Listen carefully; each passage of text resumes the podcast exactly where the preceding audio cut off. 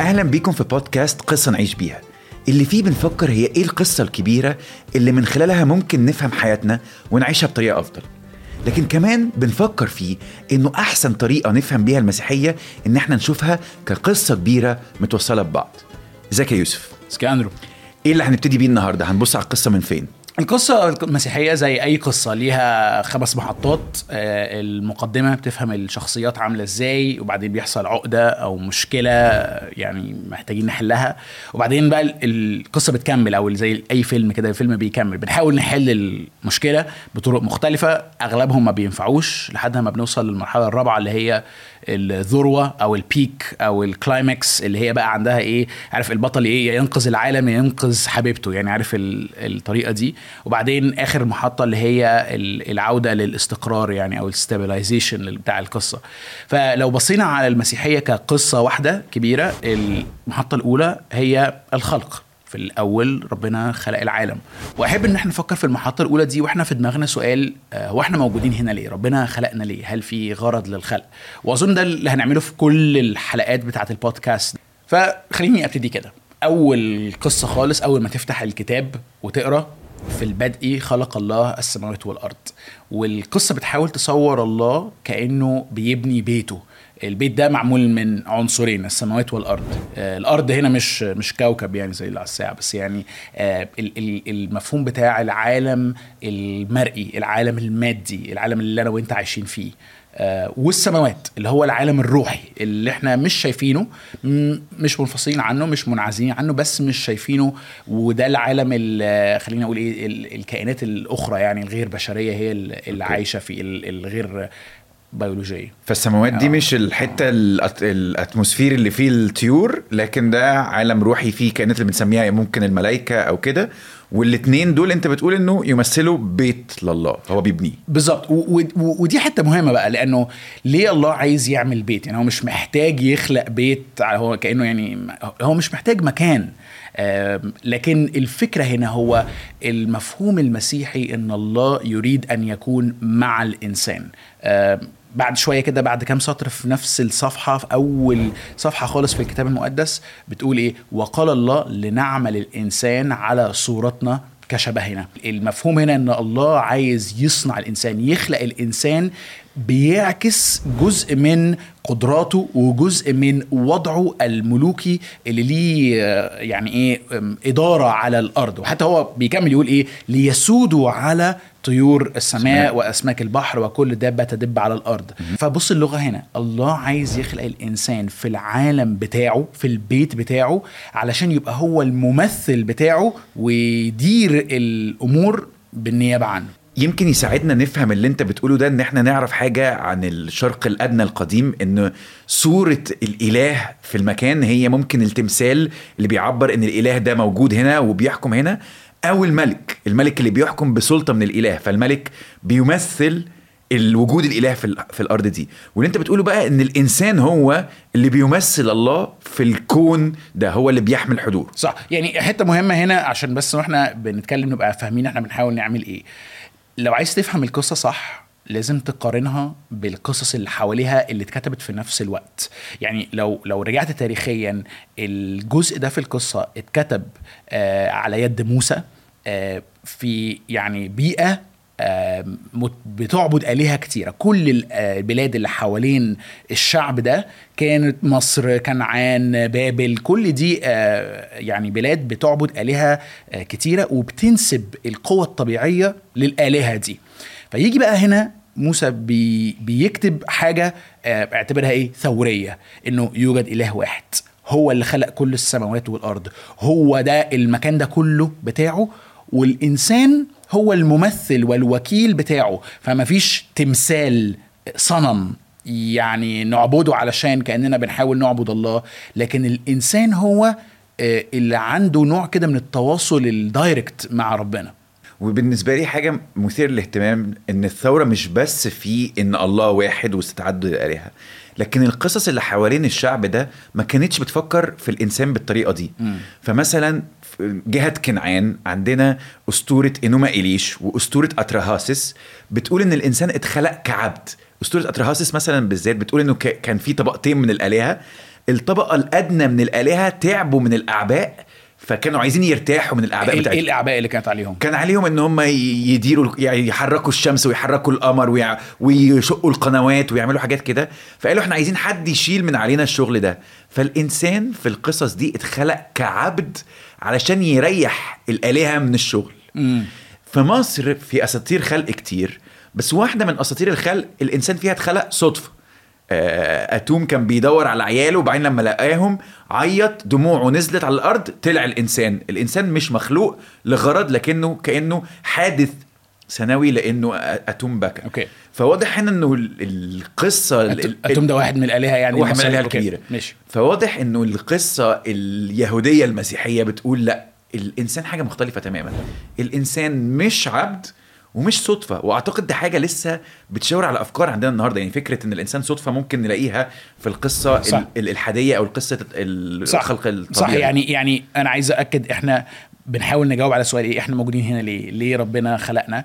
وهتشوف بقى إنه كل آه فلسفة كل ديانة على مر التاريخ حاولت تجاوب على السؤال ده بقصة. قصة خلق معينة ومن كل قصة بتطلع مفهوم. الإنسان مخلوق علشان يبقى عبد الإنسان م- مخلوق علشان صدفة. صدفة ما كانش فيه قرار. ورأيي بقى إن القصص دي هي لسه معانا دلوقتي. يعني مثلا آه، زي ما أنت جبت سيرة الإلحاد مثلا أو الناتشراليزم فكرة إنه لا يوجد خالق لا يوجد غرض لا يوجد قصد هنا في المفهوم ده الإنسان مش مخلوق لأي نوع من أنواع الغرض. هو زيه زي بقية الكائنات البيولوجية نتج بالتطور الغير موجه ال- آه، خليني أقول إيه يبدو عشوائي لينا. فما فيش أي نوع من أنواع الهدف أو القصد اللي الانسان مخلوق علشانه. إحنا هنا وبس هنا وكده وخلاص. والمفروض نبقى بالنسبة للقصة دي ممتنين إن إحنا وجدنا.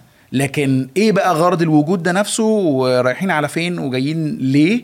لا مفيش إجابة على هذه الأسئلة. فحتى الإلحاد في حد ذاته بيقدم قصة. Yes. إن إنه كان في وقت زائد مادة زائد ظروف فطلع الإنسان وإحنا بقى نكمل نكتب بقية القصة على قد ما نقدر في بسبب إنه مفيش حاجة كبيرة بنتحرك فيها مقصودة. صح. ما ف... فاعتبرها كده. معنى الحياة يك... آه، يصنع ولا يكتشف طبقا للإلحاد. فلو أنا عايز أمشي. بالقصة المسيحية الله عنده غرض خلقنا لأجله. الغرض ده إحنا لازم نكتشفه ونسعى لمعرفته فنحاول نعيشه. لو ربنا مش موجود لازم أنا أصنع المعنى لنفسي. وده عايز أقول إيه؟ ممكن لبعض الناس ده يبقى خبر حلو ان أنا حر اعمل اللي أنا عايزه بحياتي بس ناس كتيرة قوي ما عندهاش القدرة ان هي تاخد المسؤولية دي على, انفسها يعني دي آه، ساحقة يعني تقل ساحق ليهم ان أنا أقول أنا أقول أنا إيه وأنا مين وأنا اسوى كام يعني. بس من زاوية تانية كمان يا يوسف في رأيي إنه القصة المسيحية بتقول مش بس الله كاتب القصة وده بيديها معنى بس كمان أنت عندك مساحة إنك مش بس تكتشف لكن تساهم في القصة وتكتب فيها. وده فكرة إن الإنسان اتخلق كملك عشان يسود. فهو مش بس بيتلقى الأوامر وحتى ده بنشوفه في تاني صفحة في القصة إن ربنا ما جابش آدم وقال له الحيوانات أهي وآدي اسمها ذاكر الأسامي كويس. بيقول له لا اشتغل سمي الحيوانات.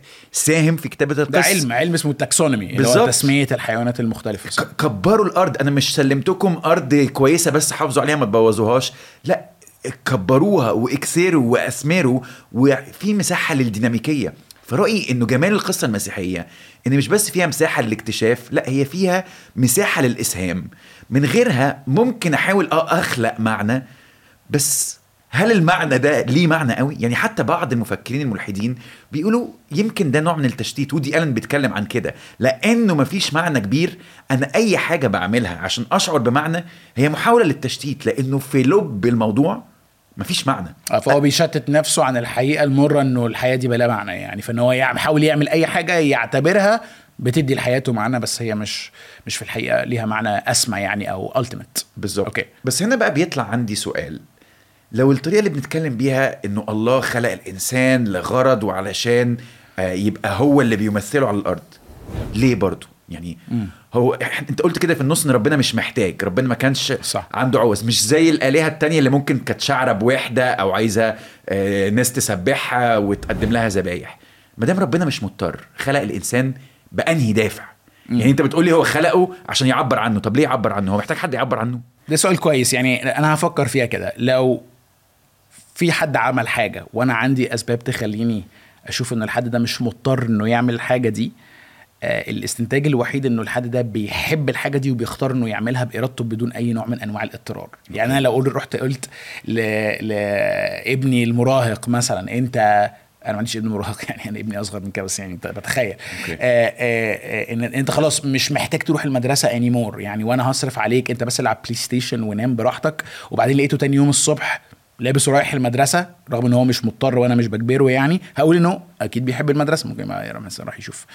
أصحابه أو أو ناس معينة في أو, أو المدرسة. ناس معينة. آه بالظبط يعني فاهم؟ بس في حاجة بيحبها لسه في القصة دي. بالظبط فلو لو لو الله مش مضطر إنه يخلقنا ومش محتاج خدمتنا أو عبادتنا علشان آه، عنده نوع من النقص فالدليل الوحيد أو يعني الإجابة الوحيدة اللي متبقية لأن إن الله قبل ما يخلق الإنسان أحبه. يعني شاف الإنسان كده بمعرفته السابقة الثاقبة للزمن وشاف إنه أنا عايز الإنسان. آه، عايزه يبقى شريكي يمثلني ويعمل في بيتي. بس كمان أنا عايز أبقى معاه. أنا عايزه عايز الإنسان يستمتع بيا. عايز الإنسان يبقى في علاقة معايا. أنا بحب- بحب ألخصها كده. الله خلق الإنسان ليكون في شراكة وعلاقة معه. آه شراكة وشركة. فلو هقولها بالإنجليزي هي partnership و relationship والحتتين دول بي بيكملوا بعض. يعني فكر فيها كده. لو الله خلق الإنسان بس لعمل ما يعمله حتى لو الإنسان عنده يعني إيه مقام عالي وممثل الله في الأرض وكده آه لسه تبقى العلاقة إيه آه توظيفية. يعني ممكن أستبدلك بحد تاني. لكن علاقة آه، بتدي للإنسان قيمة أكتر من مجرد بس اللي هو بيعمله. آه، بس برضو لو شلت العمل وخليتها بس ربنا خلقنا علشان بيحبنا ونحبه ونبقى كده يعني. بقى حب أفلاطوني مش مش فعال مل- مل- ملوش حاجة بتتعمل على الأرض. بالظبط بالظبط. والتشبيه الأفضل هنا هو زي واحد عنده مصنع كبير أو شركات كبيرة ليها يعني إيه رأس مال عالي وهكذا. بس بيوكل توكيل يعني بيعمل يوكل أناس علشان يديروا الممتلكات دي بالنيابة عنه. بس الناس دول مش غرب أوكي؟ هم أولاده هم أبنائه. فهو بيحبهم وفي علاقة بتجمعهم ما بينه وما بينهم بغض النظر عن العمل لكنهم بيعملوا مع بعض. وفي التوكيل ده نوع من اسمع بقى الحرية هسميها كده الحرية المشروطة. هم أحرار في إطار معين فعندهم ال ال ال يعني القدرة إن هم يبدعوا ياخدوا قرارات مختلفة يعينوا ناس ويفتحوا مصانع جديدة ينطلقوا. هو مصنع عربيات. في الآخر ده يعني إيه؟ القصد العام بتاع المصنع ده عند المالك أو عند هذا هذا يعني هذا الأب أوكي؟ آه هم يقدروا يوسعوا لكن ما يقدرش مثلا يقول إيه آه، هنخليه مصنع سجاير مثلا. يعني ما عندهمش الحرية دي. فهي في حرية داخل إطار معين. الإطار ده آه الله هو اللي, اللي بيضعه. فدي عايز أقول إيه الوضع الأولي أو المبدئي لمكانة الإنسان في الأرض بالنسبة للمسيحية. الرأي اللي أنت بتقوله ده يمكن مش الطريقة اللي متعودين بيها نفكر على الخالق والمخلوق. صح. في دماغنا إن إحنا نفكر إنه الخالق خالقني عشان يبقى في علاقة معايا وبيحبني وفي نفس الوقت مديني دور أعمله مش دايما بنركب الاتنين دول مع بعض هيفرق قوي في قيمة الإنسان مم. في القصص اللي قلنا عليها لو الإنسان صدفة أو عبد ملوش قيمة لكن حتى بفكر قبل موضوع المصنع ده لو في أهل أسوياء ما عندهمش أمراض نفسية وخلفوا بيبي عمره يوم البيبي ده لا إنجازات له بالعكس بيعمل حاجات تانية غير الإنجازات. صح. ومش باين حتى كل سمات شخصيته. بس لو البيبي ده عنده مرض هيخليهم يبيعوا اللي وراهم واللي قدامهم عشان يعالجوه هيعملوا كده. ففي نوع من القيمة إنه أنت ابني أنت مني أنت تمثلني. لكن أنت بتقوله بقى إن الحب مش مجرد مشاعر أنت غالي بالنسبة لي. لكن من حبي ليك بديك حاجة تعملها. الحب ده بيفعل فيك حاجة لانك تشتغل. معايا بالظبط تشتغل معايا يعني والشغل ده بيديني معنى صح. يعني زي ما بنقول كده بالبلدي أنا مش فسوخة أنا بعمل إيه هنا أنا. ليا دور بعمله صح. أنا بدير مع أبويا أنا بفكر أنا بكبر أنا بتطور أنا بطور المصنع عندي حاجات بعملها صح يعني أحب برضو يعني أنا عايز أمشي في نفس السكة بس إيه زي هاخد كده إيه نقطة لما المسيحيين بيتكلموا عن فكرة إن إحنا أبناء الله واضح قوي إنه العلاقة هنا مش بيولوجيه يعني مش إن هو ولدنا يعني بالبيو- بالبيولوجي بس حتى حتى ال- ال- الكتاب المقدس بيتكلم عن آدم إن هو ابن الله. وإحنا عارفين إنه آدم اتخلق من تراب الله خلق آدم لكن العلاقة هنا بتحمل كثير من آه، مميزات أو خواص العلاقة البنوية فأفضل طريقة بيها نوصفها هي العلاقة دي. الله بيحبنا كأبنائه. يعني وعايزنا نشترك معاه في هذه في ها في هذا العمل اللي هو خلقه آم، كأبنائه. وفي رأي يوسف زي ما كنا بنقول في الأول إزاي القصة دي بتأثر على حياتنا النهاردة؟ لو في حد حاسس إنه ما عندوش قيمة لأنه مش بينجز إنجازات رهيبة القصة دي بتقول له هنفكر في موضوع الإنجاز بس أنت ليك قيمة كابن. صح. انت وجودك مقصود. انت ما جيتش غلطة. انت ما جيتش اعتباطا. أنا فكرت فيك وحبيتك انت بالذات. أنا عارف إنك لسه مش عارف تفعل وجودك بس هنا ممكن تفرق ما بين حاجتين. إنك تثبت وجودك وإنك تفعل وجودك. أنت مش مضطر تثبت وجودك. أنت مش مضطر تحاول تعمل حاجة تحصل بيها على القيمة. أنا مجرد إني جبتك بقول لك أنت ليك قيمة أنت ابني. صح. حتى لو عمرك يوم وما بتعملش حاجة. صح. لكن السؤال اللي بسأله طب أفعل قيمتي دي إزاي؟ أيوة. عيش إزاي؟ بس أنا هنا بيبقى بيطلع في دماغي سؤال. طب ما قصة جميلة قوي وليا قيمة و... وشريك وعلاقة وابن. فين ده من اللي إحنا عايشينه ليه, ليه إحنا عايشين في صراع وألم و... وبندور على القيمة وبندور على المعنى؟ لما القصة ابتدت بداية جميلة كده. أو أنت كده يعني بتفرش لل- للحلقة اللي جاية. يعني القصة المسيحية هي قصة صح؟ زي قلنا أي قصة بتبتدي بالأشخاص ال- أو الشخصيات الأساسية. فهنا عندك الله عندك الإنسان عندنا شخصية تانية آه، آه، هتبان كمان شوية. لكن بعدين بيحصل العقدة المشكلة. والمفهوم المسيحي العام إنه الوضع الأصلي اللي الله خلقه لكي نصير فيه أو لكي نكون فيه آه، حصل فيه نوع من المشكلة أو نوع من الإفساد اللي خلينا نقول إيه؟ بسبب الإنسان. أحرق ال- الحلقة الحلقة اللي جاية لا ما تحرقش بقى ما ده, ده التشويق. فاحنا okay. فإحنا قلنا إن إحنا عايزين نفهم ماشي. ليه الدنيا باظت بس عشان نفهم لازم تتفرج على الحلقة الجاية. صح. okay أشوفكم الحلقة الجاية. شكرا يوسف.